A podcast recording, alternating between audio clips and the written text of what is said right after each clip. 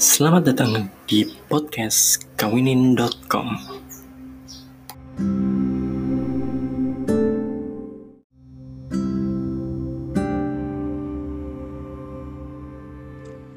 Assalamualaikum warahmatullahi wabarakatuh. Hari ini adalah hari ke-15 sharing sehari 5 menit dan hari ini saya mau sharing mengenai uh, bahwa nikah itu adalah belajar seumur hidup. Kenapa uh, judul ini yang diangkat?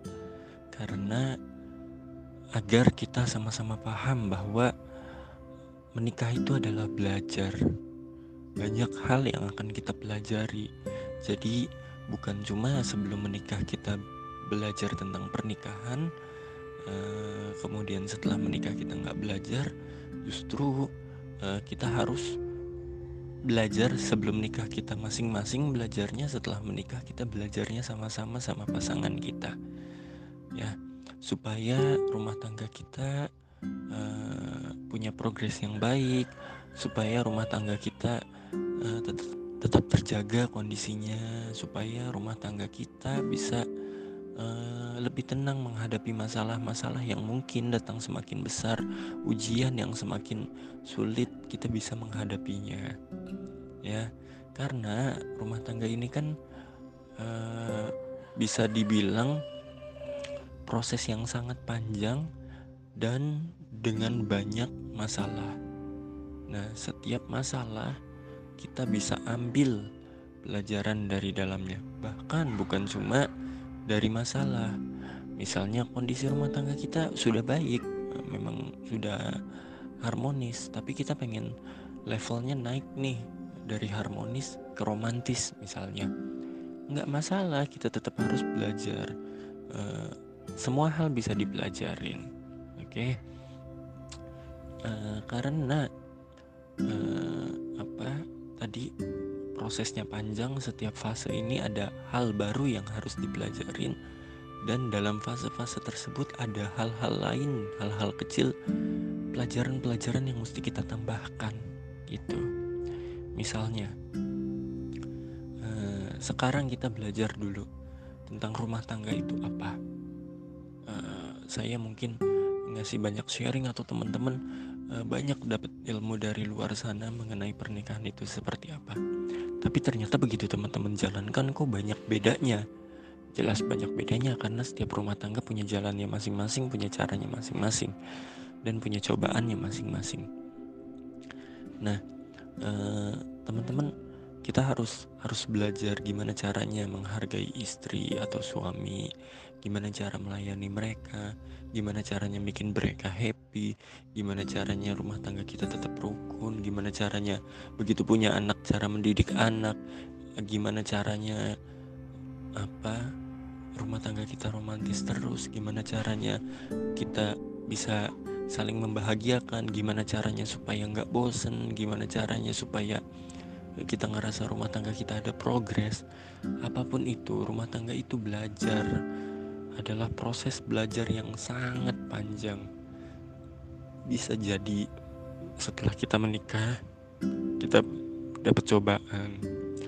Cobaan itu rasanya berat banget bagi kita yang baru menikah. Tapi setelah cobaan itu kita lewatin, kita udah punya cara nih ternyata oh begitu cara menyelesaikannya atau tadinya kan kita nggak tahu nih sifat pasangan kita tapi setelah berantem kita jadi tahu oh gitu berarti saya harus gini itu kan proses belajar nanti berikutnya mungkin ada berantem lagi dengan kasus yang berbeda. Oh kita tahu lagi cara menanggapinya setelah itu. Punya cobaan yang lebih besar lagi. Karena level kita sudah naik sudah belajar tapi cobaan semakin besar kita harus terus belajar progres gitu. Nah misal begitu punya anak ini kan kita belajar dari istri mengandung. Kita belajar gimana menjaga kandungan. Misalnya uh, istri nggak boleh makan apa aja suami harus siaga seperti apa. Terusnya kalau konsultasi misalnya ke dokter ke bidan kita tanya-tanya kita juga perlu tahu loh uh, suami-suami perlu tahu perkembangannya seperti apa nggak boleh apa. Jadi misalnya saat ada hal-hal nggak terduga kita bisa ngerti harus ngapain dan bisa ngambil tindakan cepat. Itu nanti begitu istri mau melahirkan atau istri sudah melahirkan ini gimana sih cara ngerawat bayi? Gimana cara ngedidik bayi? Terus gimana cara ngajarinnya proses-proses ngajarinnya saat umurnya baru tiga bulan ajarin apa enam bulan ajarin apa? Terus kita juga harus lihat uh, bayi itu umumnya umur tiga bulan udah bisa ngapain umur enam bulan udah bisa ngapain umur 9 bulan udah bisa ngapain satu tahun udah bisa ngapain? Satu tahun tiga bulan udah bisa ngapain?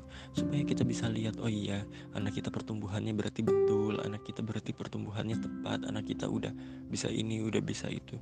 Semua proses belajar. Saya sampai sekarang masih masih sering berguru sama teman-teman saya yang punya anak udah jauh lebih dewasa dari anak-anak dari anak saya. Jadi saya belajar apa sih yang mesti dilakukan? Karena mendidik anak pun itu kan bagian dari habit ya. Kayak kebiasaan orang tua kita mendidik kita mendidik anak-anaknya kebiasaan orang tua mertua kita mendidik pasangan kita dan anak-anaknya kan beda.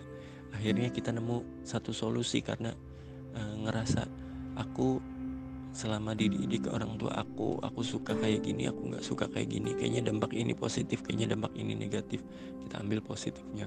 Begitupun dari pasangan kita uh, kayaknya uh, aku selama diajarin orang tua aku dididik orang tua aku dibesarkan orang tua aku begini positif deh begini bikin negatif deh apa yang harus kita lakukan kita jadiin satu walaupun nanti tetap ada hasil negatifnya ya nggak masalah namanya belajar gitu.